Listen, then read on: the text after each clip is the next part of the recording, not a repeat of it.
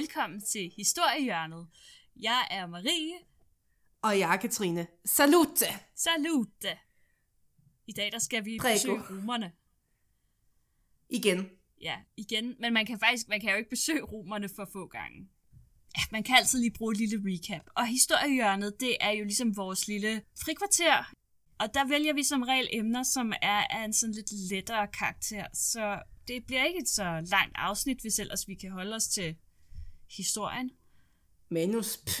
Ja, Du ved, hvordan jeg har det med sådan nogle ja men begrænsninger. jeg ved det godt. Du vil ikke. Du vil Nej. ikke lade dig begrænse. det er derfor, man kalder mig historiens Ulla Terkelsen. Du kan ikke styre mig. Præcis. Og din halsklud.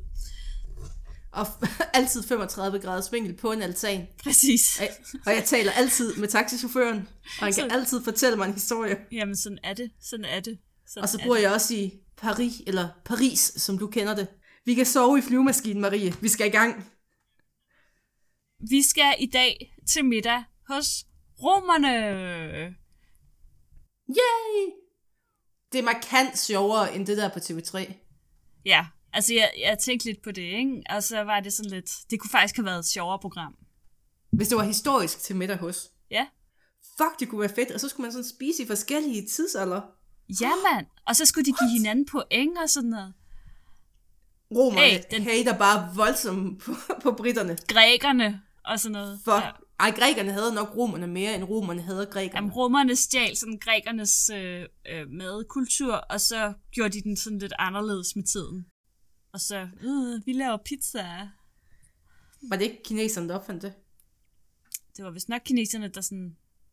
Nå, det kan godt være, jeg kan ikke rigtig huske det, men jeg kan godt huske, der er et eller andet, og noget med, var det Marco Polo eller sådan et eller andet. som- Ja, et eller andet. Et Og eller det var også noget med det der med, at pastaen måske var noget med nogle nudler, som han havde med hjem og så videre. Men på den anden side, så har man jo fundet en eller anden ret, en eller anden sådan fossil ret i et lirkar et eller andet sted i Norditalien, som, jeg ved det ikke, det, det var vist noget gammelt spaghetti. Fuldkornspasta for Lidl.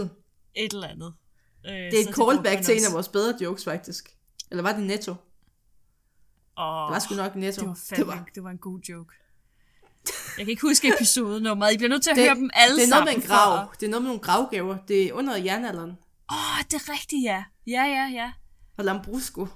Jeg Det er husker- Hoby. Det er Hoby. ja. Og jeg tilbage og hører Hoby-afsnittet for verdens bedste joke, Så giver det mening. så giver det mening. Måske. Skal vi snakke om de her romere, eller hvad? Ja, hvorfor Og jeg skal prøve- padle, Marie? Jeg skal prøve at lade være med at trække vejret også, åbenbart. Fordi det generer Please. Katrine, har jeg fået at vide. Øhm, Det er næsten ikke lige så slemt som din smasken. Sagde jeg, fordi jeg er jo fuldstændig ufejlbarlig i min tale. ja, du, du udtaler aldrig ordene forkert. Altså, du har jo givet mig, jeg har læst manus igennem, og Ja. du har jo givet mig alle de gode, kan jeg fornemme. Øh, ja, tror jeg nok. Tak for Jeg det. har ikke givet dig alle citaterne. Dem har jeg taget selv. Nå, jeg padler. Vi snakker. Øhm, romerne, de elskede jo mad. Det ved vi alle sammen. Øh, og det er faktisk ret fantastisk, hvor meget vi faktisk ved om romersk madkultur og romersk mad. Det skyldes, at middagsfesten det var en begivenhed, som ofte beskrives i de historiske kilder og breve og skuespil og også diverse sådan, andre værker. Sådan, de skrev jo sådan nogle romanagtige værker. Derudover så findes der en kogebog fra 300-tallet, Archipius, øh, Archipius' kogebog. Den er fra 300-tallet efter vores tidsregning, for lige at få det på plads. Og i den, der kan man læse om delikatesser som lærketunger, en, en øh, livmødre, det hedder det i flertal, jeg blev faktisk lige i tvivl. en, liv, Livmor. En livmor, flere livmødre, øh, fra sterile søer.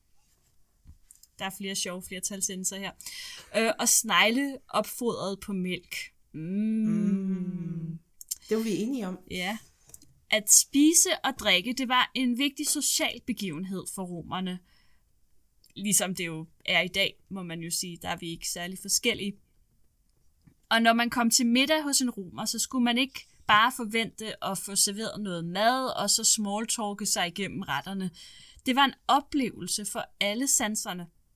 Det var en dramatisk præsentation af anretningerne. Det var den luksuriøse service, og så var der jo underholdning undervejs, som kunne bestå af musikere, dansere, sanger, skuespillere og, eller akrobater for den sags skyld. Der skete hele tiden noget, og verdens vigtigste pligt det var at sørge for, at gæsterne de var underholdt. Der var selvfølgelig forskel på, om det her det var hverdag, eller om det var fest. Og der var bestemt også forskel på, om man var rig eller fattig, om man var fri eller slave. Middagsfesterne de var forbeholdt samfundets top, mens alle andre indtog deres mad under mere beskedne forhold. Men for de rigeste, der var måltidet ikke bare en hyggestund med venner. Det var en stramt iscenesat og spektakulær fremvisning af verdens rigdom, status og gode smag.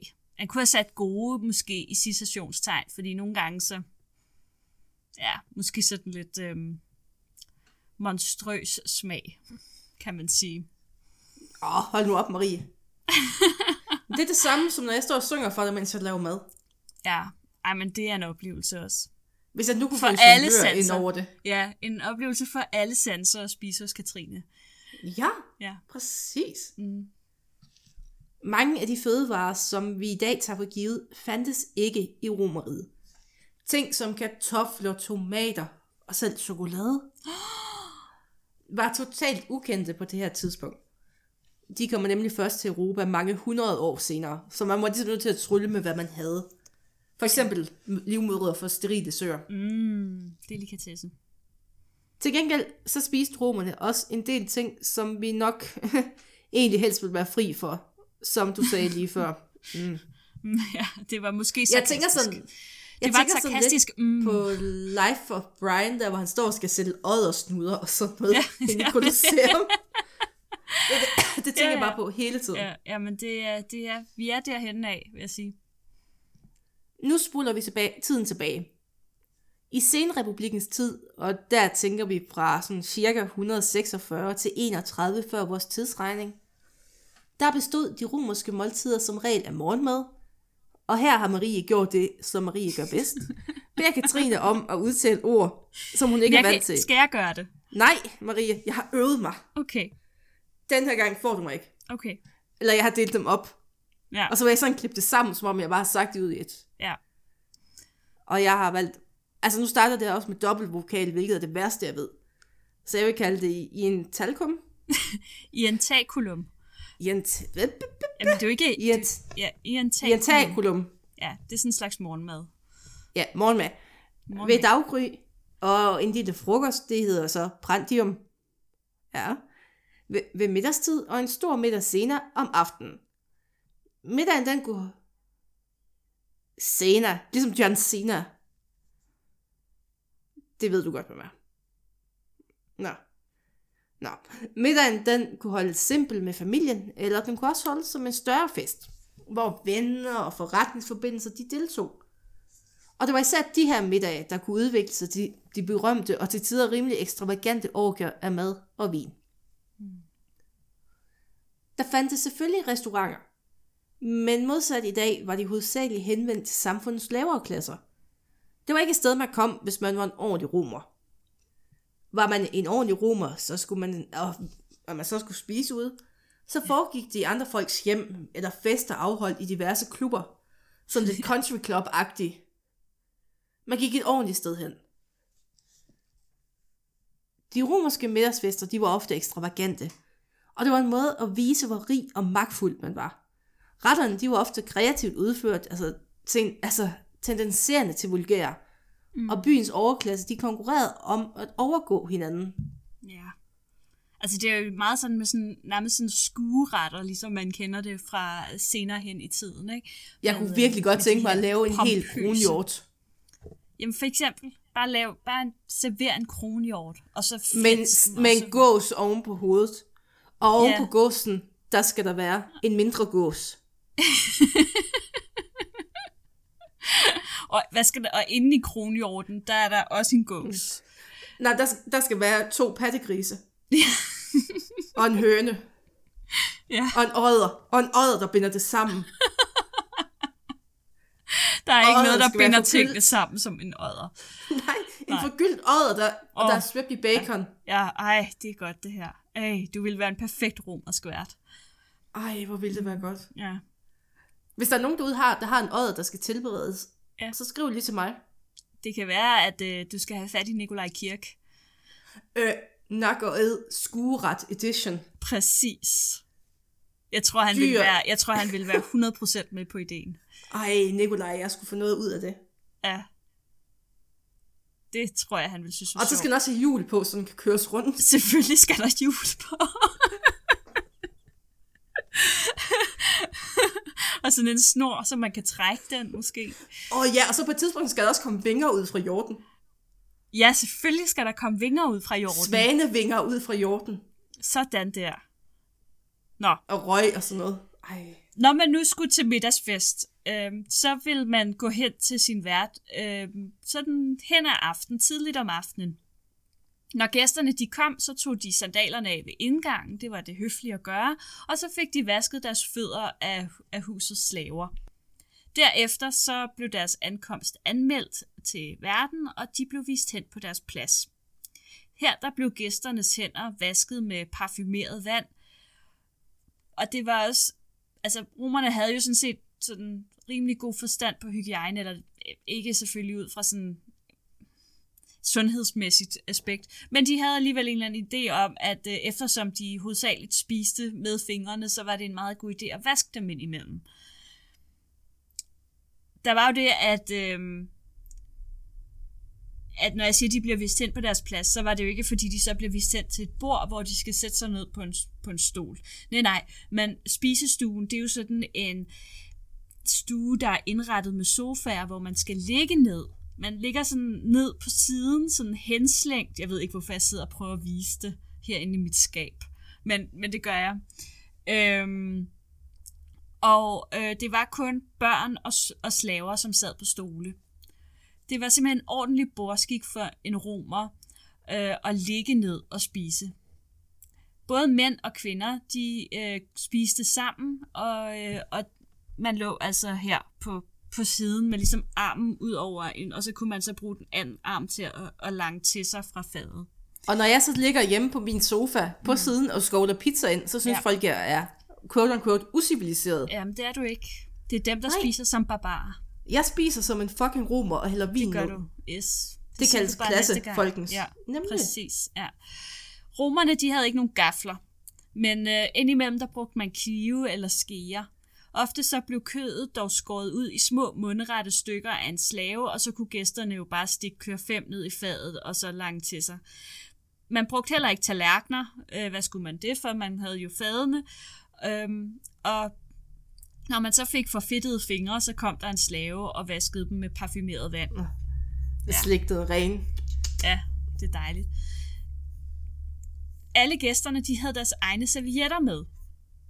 Og de blev brugt til at tørre sig munden selvfølgelig og tørre fingrene, øh, men de blev også brugt som sådan en slags doggy bags, sådan at man kunne tage madrester med hjem for fordi der, der sikkert var, der var en masse til overs fra sådan en fest, men det var også ligesom for at, at vise øh, verdens storhed, så hvis man nu, det kommer vi til at høre lidt om senere faktisk, øh, men at, at hvis man nu havde været til en anden middagsfest, og så skulle hen til en anden fest bagefter, så kunne man tage noget af maden fra den første middagsfest med, for ligesom at vise den næste vært, se hvad vi har, hvad vi har fået at spise. Jeg vil jo tage et helt lag med. Ja, Så, Ja, ja, Den, ja. så kommer den hjort med hjem. Og så er der en anden ting, som du vil sætte pris på, Katrine, og det er, at det blev betragtet som god stil at bøvse efter måltidet. Øh, det betød Præcis. nemlig, at man havde nyt det. Til gengæld så blev det set som virkelig dårlig stil at overspise, så man kastede op. Især hvis man gjorde det for at bare kunne spise noget mere. Det, blev, det var ille set. Men det var Ej, noget, det der kan jeg fandt da sted. måske godt forstå. Men det, det Hvor fandt er det faktisk, lige? ja, det fandt sted.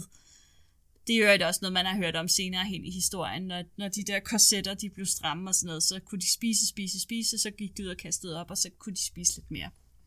Det minder mig om dengang, hvor jeg så en krave spise så meget, at den ikke kunne synke mere. den kunne virkelig til brød sådan Ja. ja. Det var at der bare ikke... Ja, det var en meget fascinerende krave. Ja, kraver er fascinerende. Fucking elsker kraver. Ja. Og hvad spiste romerne så? Hvis du tilhørte den lavere klasse, altså slaver og almindelige fattige mennesker, Uh. Nej, det må vi ikke ja, sige. puha, så Det var maden jeg ikke særlig spændende. Den bestod hovedsageligt af grød, stuninger og brød. Det er så nærmest et digt. Ja. Det skal rime. grød, stuning og brød.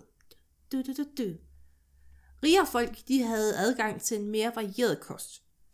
Til morgenmad, der spiste man gerne lidt brød, en, en hvide kiks med honning. Mm. Til frokost, der fik man lidt kold steg, æg, ost og frugt. Til aftensmad, der gik man så lidt vildere til værks og fik noget fjerkræ eller fisk. Man spiste, altså mange de spiste faktisk næsten ikke noget i løbet af dagen, fordi de ventede på det her store måltid med fjerkræ og fisk. De var pjattet med fjerkræfisk. Altså lidt bodybuilder. Ja. Sund mad. ja, de var veltrænede romer der. Hvis man ikke hørte til samfundets top, så kunne man vælge at spise ude. Og det gjorde størstedelen af romerne faktisk. Og grunden til det var sådan en, faktisk en rent praktisk ting. Mm. Mange af de her fattige mennesker, de boede i boligblokke lavet af træ. Og her havde man fundet ud af efter et x antal brænde, at det måske var en rigtig god idé at forbyde folk at tænde bål indendørs i træhuset. Ja, Ja, sådan er det. det var, det var måske meget logisk. Smart tænkt. Altså, det var jo faktisk de her, det, det er jo faktisk ret vildt, nu siger jeg boligblokke, men det var jo faktisk etageejendomme Ja, det var i altså. Rom, ikke? Altså, jeg kan ikke huske, hvor højt, og det var sådan temmelig store etageejendomme, men fuldstændig af træ. Og det var jo en brandfælde, hvis du sådan op på, hvad, fjerde sal eller et eller andet, ligesom bliver Og naboen der. nedenunder havde bestemt, at nu laver vi del med et bål. Ja, og vi skal have noget mad. Ja, dejlig nabo. Yndlingsnabo. Gaderne, de var derfor fyldt med gadekøkkener, hvor man kunne få diverse retter to go. Altså, det er meget street food-agtigt, det Det her. er totalt street food. Romerne, de, de, var, de, var, de var hipster.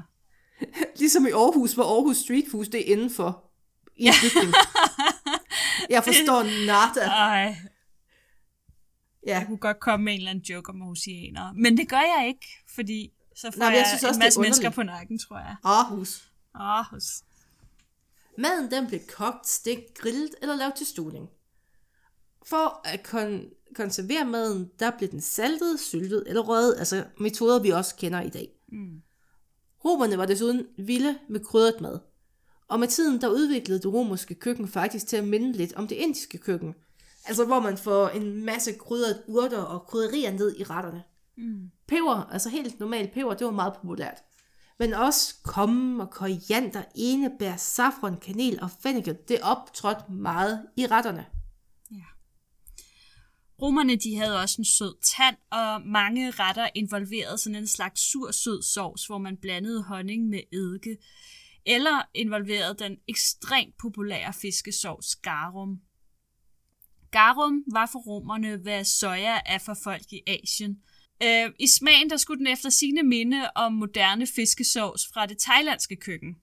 Jeg må sige, jeg er ikke en ekspert ude i fiskesovs, så jeg ved ikke præcis. Jeg plejer at bruge noget vietnamesisk fiskesovs. Jeg ved ikke, om det smager væsentligt anderledes end thailandsk fiskesovs. Så øhm, hvem ved. Vi må, Vi må prøve os smage. igennem. Ja. Øhm, og den her garum, den blev fremstillet af små fisk, for eksempel sardiner, sild eller makrel, og de blev lagt i en saltlage, indtil de var opløst. I virkeligheden temmelig klamt. Jeg ved ikke, om moderne fiskesovs bliver lavet på den måde. I så fald, så vil jeg Nå, overveje, om jeg vil bruge det.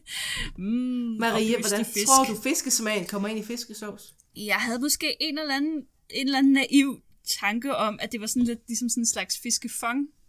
Men, men Hvordan øh, får man fiskefang, Marie? Der blev de jo sådan Hvordan- bare kogt jo. Og så, så ikke det der med, at det bare sådan er opløst. Nå, Det, det skulle da ligesom, når du laver pastasauce, du op, altså sådan steger sardinerne, så de er væk. øh, hvad? Fisk i sovs? Fisk i pastasauce? Ja. Har, altså, du skal da prøve... Mærkeligt. Nej, det er jo ligesom pasta på dinesca, hvor det er sådan sardiner og oliven og sådan noget, der bliver, altså Ja, okay, sardiner kender bliver stegt væk. Ja. ja, okay. Du skal ikke kimse af fisk, der bliver opløst i ting, Marie. Jeg vil ikke høre din kimseri. Jeg kimser ikke. Jeg kimser, jeg kimser ikke mere om fisk. Kød var, øh, kød var dyrt, og man spiste generelt ikke oksekød af grunde. Øhm, blandt andet fordi man så dem som sådan nogle arbejdsdyr. De fleste kvæg, der var i romeriet, var trækdyr, og måske sådan blev lidt uinteressant kød at spise med sådan en Ja. gammel arbejdsokse. Der er sgu ikke så meget guff i sådan en. Nej. Til gengæld så værdsatte man svinekød, hare, kanin, mus og andre gnavere. Og så selvfølgelig også fjerkræ og fisk. En populær ret, det var syvsovere, og det er altså en, en museart. Øh, vel, velkommen til at google det, det måtte jeg selv gøre. De er søde. De er rigtig søde, ja. De, jeg ved ikke, altså størrelse, størrelsesmæssigt er de vel sådan, måske som en håndfuld. Altså min Ja, sådan en lille chinchilla, synes jeg, det minder om. Ja. Øhm, og de her mus, de blev så stegt og fyldt med hakket svinekød, peber, pinjekerner og så den her garumsauce. Altså, det er ikke sådan... Jeg har engang spist sådan en helt stigt, altså sådan en helt bagt mus, der sådan var dyppet i honning og sesafrø på en Øh. pind. Det smagte meget godt. Hvor i alverden har du gjort det? Var det Aarhus Street Food? Nej, der, der kan du bare få kaffe. Hvad fanden? Jeg forstår ikke. Altså jo, man kan nok også få mad, men det er indenfor. Jeg bevæger mig sgu da ikke indenfor for at få street food. Ej, men det, sådan er det jo også på Papirøen i København. Der, der er det, det jo også indenfor. Jamen, tænk at være så fremmedgjort. Ja. Ja, ja. Nå, ja. Crazy Udover øh. Jeg vil ja, lave en musebod. en Jeg vil have musebod. en lille vogn, hvor jeg sætter mus på pind. Kan det, kan det, i stedet for alt den der snak om, at vi skal spise insekter, hvad så med, at vi begynder at spise flere mus? Ja, Ja, på pind. på pind, mus på pind.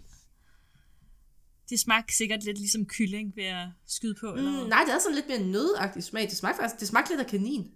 Hvor har du fået det henne? det har jeg fået over i Canada. Der var sådan noget madmarked. Ja, okay. Og så kunne man, og så, så var der, og så tænkte jeg, det duftede godt. Altså man kunne så godt, altså det var jo sådan virkelig en hel mus mere eller mindre, så man kunne sådan se, hvad det var. Okay, Men, men det smagte Det- godt.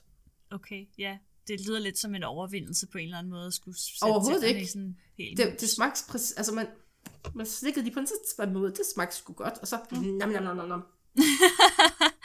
Jamen altså, hvorfor ikke? Jeg har ikke noget imod at skulle spise mus eventuelt.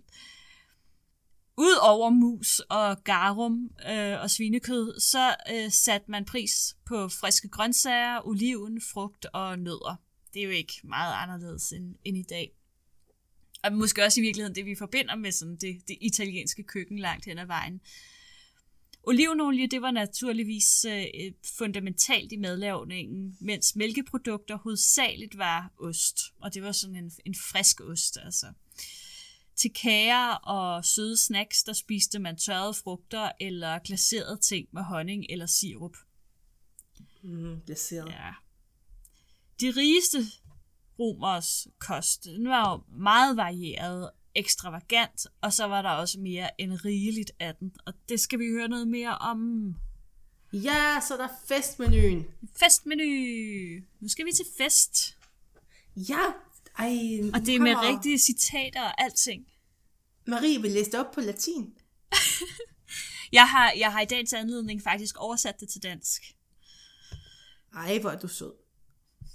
Mm. Det romerske svar på suppesteger is, det var, og nu har Marie endnu en gang, ab o us Uskve. Uskve. Mala. Præcis. Ab o uskve mala.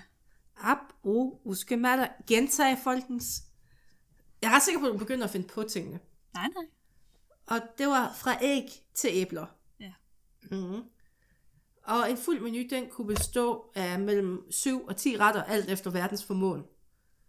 Man startede ofte ud med en gustaccio, altså en forret eller en appetizer, som ofte var en form for salat, og noget, der krævede en minimal tilberedning. Men med ingredienser, som sådan sikrede en god fordøjelse. Man, man fik lige sat systemet i gang. Det er en god ting. Hovedretten senere, den kunne bestå af flere retter. Ofte bestod den af fisk og kød. Til de store middagsfester, der var de her retter ofte meget ekstravagant anrettet. Apropos din kronhjort. Seriøst. Mm. Jeg drømmer nu om at gå ud og fange en fucking hel kronhjort og en odder og to svaner. Ja. Og nogle gæs. Jamen, det, det kommer vi til. Ja. Til sidst, der fulgte en dessert, som bestod af frugt, nødder eller dessertkager. Der findes mange beskrivelser af de her romerske fester. Men en af de mest berømte er Petro, altså Petrono, Petronius, Petronius. Petronius, Ja. øh, Satyricon, med beskrivelsen af middagen hos Trimalco, eller Trimalcio. Trimalchio. Trimalco, jeg ramte ja. den første omgang. Jeg skulle ikke tvivle på mig selv. Ja, det gør du faktisk. Nej, du skal ikke tvivle på dig selv. Du skal ikke være bange for latin. Jeg har, jeg, altså, jeg har faktisk haft latin. Jeg fik 9. Åh, I shit you not. De puniske krige har intet på mig. Og selvom det er fiktion, så mener man, at det er en ret realistisk gengivelse af, hvordan, hvad en festmenu, altså hvad, hvordan den vil se ud, og hvordan det vil forløbe sådan en aften. Mm. Og den første beskrivelse er som følger. Og så kommer jeg med citatet.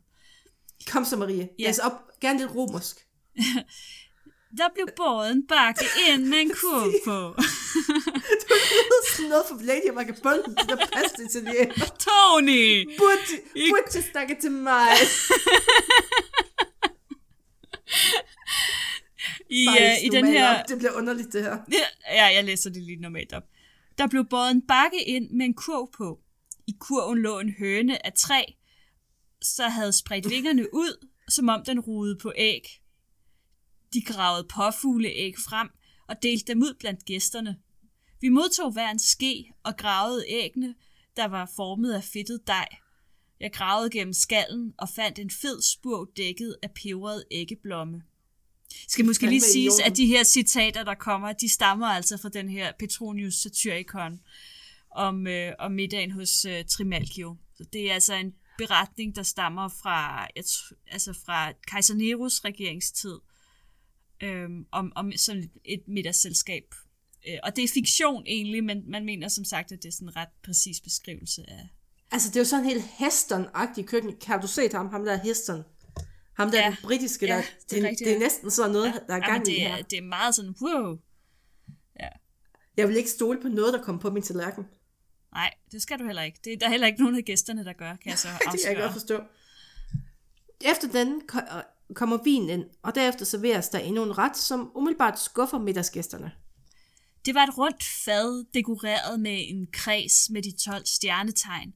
Og hvert stjernetegn havde, havde ved hvert, okay, over hvert stjernetegn havde anretteren placeret en ret, der passede til det enkelte symbol. Herefter følger en længere forklaring af, at der ligger kikærter, en lunds oksekød, testikler og nyrer, en blomsterkrans, en finen, en livmor, en tærte og en kage, en lille fisk, en hummer, en gås og to større fisk. Midt i kredsen lå et stykke tørv med en bikage ovenpå, og en egyptisk dreng, og der er Marie så bare lavet, altså skrevet som om, at han også ligger i retten. Ja, og det Men jeg tror vil jeg godt- ikke, han gør faktisk. Jeg sagde let, som om der også lå en egyptisk dreng. Jeg kan godt så se det. Jeg kan Med godt det se samme det. peakede min interesse i det her oprensningskomma helvede. En bikage og en egyptisk dreng. Ja. Ja. Det, lyder sådan, altså nu har jeg lige set langt fra Las Vegas, det lyder næsten sådan lidt Niels Buckingham-agtigt. Ja. Er Jamen, du øh, historiens Niels Buckingham, Marie? Ja. Øh, Måske. det, det bliver værre endnu. ja. Og ligesom de skal til at beklage sig, så styrter der tre dansere ind i spisestuen. Og- Og der er musik, og de fjerner den øverste del af anretningen, der ikke er den egyptiske dreng. Det viser sig, at der nedenunder gemmer sig en langt mere appetitlig anretning. Ja. Og jeg citerer. Fede fugle og soyver, og i midten lå en hare udstyret med vinger, for at den skulle ligne Pegasus. Vi bemærkede også, at der i denne anretning hjørner var fire figurer af Marsyas, der fra hver sin vinsæk lod peberet garum strømme ud over nogle fisk, så de næsten svømmede i en voldgrav. Vi klappede alle sammen og grinede og kastede os over de udsøgte sager. Den næste ret, der bliver båret ind, er en stor gris. Igen udspiller sig et skuespil. Verden anklager kokken for at have glemt at rense svinet for sin indvold. Det er sådan ret vigtigt, når man spiser det. Mm. Kokken er lige ved at miste livet i det her skuespil. Men gæsterne skal forsvare ham. Og verden går til sidst med til at være nådig og lader kokken rense grisen for indvold foran alle gæsterne. Kokken greb en kødkniv og hakkede den med skælvende hænder ind omkring grisens mave. Snittene voksede på grund af vægten indefra, og med et, der væltede forskellige slags pølser ud på gulvet. Festens sidste anretning er desserten. Der var nu stillet en anretning med forskellige kager. I midten var en priapus, og, og nu bryder jeg lige ind og siger, at det er en, en figur af en frugtbarhedsgud, og han afbildes altid med en meget stor fallers. I midten var en priapus Det giver lavet af... bagdyst. Ja. Kom igen, stor bagdyst. Øh, og den her priapus sådan lidt, uh! lavet af konditoren, og i sit rummelige skød bar den alle mulige slags frugt og vindruer. Vi strakte grådigt hænderne ud efter det pragtfulde opbud og var pludselig med i en ny leg. For selv ved den mindste berøring udspyede alle kager og frugter en sky af safran, og selv ansigtet blev ramt af disse afskyelige udløsninger. Altså tænkte vi, at det måtte være en hellig ret, når nu den var overdænget med det pulver, som bruges ved ritualer.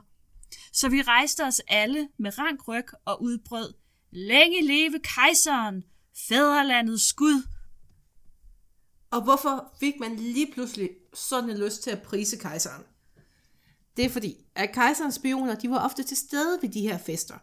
Så man var meget opmærksom som gæst mm. på ikke at komme til at tale dårligt om kejseren eller kejserens politik. Sådan noget, det kunne jo Det- betyde, at man blev et hoved kortere lige pludselig. Eller er andre måder. Og lige på det her tidspunkt, der, hvor den her er skrevet, der er det jo så kejser Nero. Og kejser Han var jo kendt som stabiliteten selv. han var, øh, han havde sådan nogle lidt, altså nu, man ved ikke helt præcis, hvem det er, der har skrevet Satyricon, andet end han hedder Petronius, og man mener, at ham her Petronius kan have været en, der var tilknyttet kejser Neros hof, og som Nero faktisk tvang til at begå selvmord på et tidspunkt. Altså det var sådan, Ja, sådan det- Nero, det han var- ligesom var, ikke? Han rullede lidt sjovt nogle gange. Det gjorde han. Og på et tidspunkt i løbet af festen ankommer der et noget, lad os sige det mildt, bedukket ægtepar, som har været til et andet middagsselskab, og de begynder så at fortælle, hvad de fik at spise derover. Først fik vi et svin med en pølsekrone omkranset af lækre kråse og blodsovs, og selvfølgelig beder og groft fuldkornsbrød. Så kom der en kold tærte af honning, overhældt med en fantastisk varm vin fra Hispanien. Så blev der delt lidt kikærter og lupinfrød ud, lidt blandede nødder og et enkelt æble til hver. Men jeg tog to. Se, jeg har foldet dem ind i servietten. Hvis I kan huske det, vi fortalte før mm. med servietterne. Ja, præcis. Tada! Tada! Han skulle have taget hele den her gris med Ja, for delen. I en serviet. I en serviet. Ja. Men hvad fik man så at drikke i romeriet? Romerne, de drak selvfølgelig vin. Og i Rom, der kunne man vælge mellem ikke mindre end 200 slags, der blev fremstillet over hele romeriet. Det var ikke så få. Vin var jo af gode grunde ikke konserveret, som den er i dag. Så den minder i sin fremstilling egentlig mest om den naturvin, som vi har nu. Mm. Derfor kunne det godt være sådan lidt bundfald. Så vinen den blev derfor sidet, før den blev hældt op. Derudover så var den ofte blandet op med vand, krydret med gode krydderier eller sødet med honning. At drikke sin vin sådan helt straight from the bottle, det var simpelthen betragtet som barbarisk, og altså så man uddannet og... Uh. Ja. Så det Altså det er det samme som hvis du begynder at drikke vin af flasken. Det er teoretisk set ikke forkert, men det lugter lidt af uddannet. altså det slår, altså jeg har engang været i byen i Horsens, hvor jeg ser en ja. kvinde drikke vin fra flasken med et sugerør. Ej, det er simpelthen classy. Ja, og det var en fin vin, så på det punkt kunne jeg ikke rigtig sige noget til hende. Nej, nej. Men hun drak det med sugerør, så det var sådan lidt, hun drak det, ja, nej. Det er ikke godt. Kun i Horsens. kun i Horsens, hashtag. Mm. Der fandtes forskellige populære drikke. Der var mulsum, det var for eksempel sådan en ret populær drink, som, hvis vi skal sammenligne med noget, vi kender, så er det gløk. Ja. Og så var der absinthium, som var smagt til med havemalurt, der var en forløber for absint. Skål! Nej, så siger vi Santias Bona. Santias Bona. Ja. Ja. ja. Det var, øh, det var øh, romernes... Øh... Jeg kan jo et, jeg kan jo et varmt anbefale, at øh, man får fingre i, i den der øh, Petronius Satyricon. Jeg har til lejligheden klippet noget ud af de her citater, både fordi, altså ellers ville de blive meget, meget lange, men også fordi de faktisk i deres sprogbrug er sådan temmelig øh, in your face, og snakker meget om sådan med at gå på lokum, og hvordan ens afføring er, og så, de er meget bramfri, de På her en eller anden måde de vil jeg gerne vide det, efter du har spist det der gøjl. Ja, Altså, hvis du... øh, jeg kan sige, at på et tidspunkt går verden i hvert fald på lokum, og er væk meget længe. Men der er også den her, øh, der er den her øh, kommentar, øh, hvor at, at det de der, de der øh, bedukkede ægtepar, der kommer, hvor han snakker om, at de fik groft fuldkornsbrød, og der kommer han med en, lang, en længere forklaring om, at han foretrækker fuldkornsbrød frem for øh, hvidt brød, fordi at øh, hvidt brød, det giver en dårlig fordøjelse, og, øh, og, og fuldkornsbrødet sikrer, at det ikke gør ondt, når man skider. så Ved det er sådan- Jamen, det er jo rigtigt nok. Vi er, vi er simpelthen ude i nogle super fantastiske betragtninger. Jeg, jeg grinede højt flere gange undervejs, mens jeg læste den bog. Den er simpelthen Ej. Fantastisk. Læs den. Den er helt skøn. øhm, og, øhm, og hvad hedder det? Og det, som jo er så sjovt, og noget af det, som jeg synes er, er rigtig fascinerende ved romerne, det er, at også når man læser sådan noget som det her, at den er selvfølgelig oversat, øh, og så er den selvfølgelig fordansket, kan man sige. Så der bliver brugt også nogle ord. Der er på et tidspunkt, hvor de snakker om en eller anden lækker dame, hvor det så er oversat til babe og sådan noget. Virker måske en anelse malplaceret, men, men altså man forstår ligesom okay, hvad det er, de snakker om. Men, men det jeg altid tænker, det er, at det er enormt fascinerende med romerne, at man føler ikke, at de er så fremmede for os, på en eller anden måde. Altså det er lidt som, at hvis du rejste tilbage i tiden og bare blev dumpet ned i romeriet, så vil du på en eller anden måde føle, at du godt ville kunne, øh, hvad skal man sige, måske ikke blive, jamen, blive integreret. Altså du, det vil ikke være, det vil selvfølgelig være en masse moderne bekvemmeligheder, man ikke vil have, men, men det vil ikke være så fremmed for os. Nej. Altså vi vil sagtens kunne begå os der, vi vil sagtens kunne overleve, vi vil, altså det, det vil jo være, vi kan gå hen til et gadekøkken og købe mad, og vi kan gå hen og få et bad, og vi kan... Du kan gå på inden for i. Aarhus Street Foods. Jamen altså, det er præcis, ja. Jeg synes, det er enormt fascinerende. Og jeg tænker det hver gang, jeg læser om romerne. De er, de er nogle fantastiske, spændende mennesker. Ah, de, og sjove. De, De, havde nogle de har enormt god humor, altså. Ah, det må man give dem. Det må man dele med Det give må dem. man give dem. Ja, Altså, de kære romer. ja. Men Det altså, når man har invaderet det halve, eller det meste af den kendte verden, så har man også lov til at være sjov. ja det er jo det. Det, Ja, og så skal vi måske lige sige, fordi nu runder vi lidt af. Og, Ja, øh, gør og vi så det? kan vi ja, det gør vi nu. Okay. og så kan vi jo lige minde om øh, til vores Patreons, at de skal gå ind og stemme. Fordi der ligger jo ja, øh, en de bestemmer jo et afstemning. afsnit. Ja, Og næste der, altså, afsnit. der er simpelthen Så, Super Mario. Eller, ja, Marie har skrevet Mario Brothers, men det er bare Mario. okay. Marie kan ikke for det. Og så er der historien om Tetris, der er jo Rusland, og ej, det er fantastisk, og så er der selvfølgelig computerspil og krig. Hvordan de to ting hænger sammen i den Og- her og dejlige en- verden. Indtil videre, så har computerspil og krig fået flest stemmer, så hvis du vil ændre det, så går du lige ind på Patreon-siden og stemmer. Tusind tak, fordi I øh, lyttede med. Ja, det var virkelig uge. sjovt. Og Ja, det er og- nok ikke vores sidste til middag hos. Marie, hun har lavet sig inspirere. Ja, jeg synes, det er sjovt at snakke om mad i gamle dage. Så, Og jeg skal øh, have fundet en odder. og du skal have fundet Og en odder. bacon. Og Så har vi hjort. begge to en opgave til næste gang.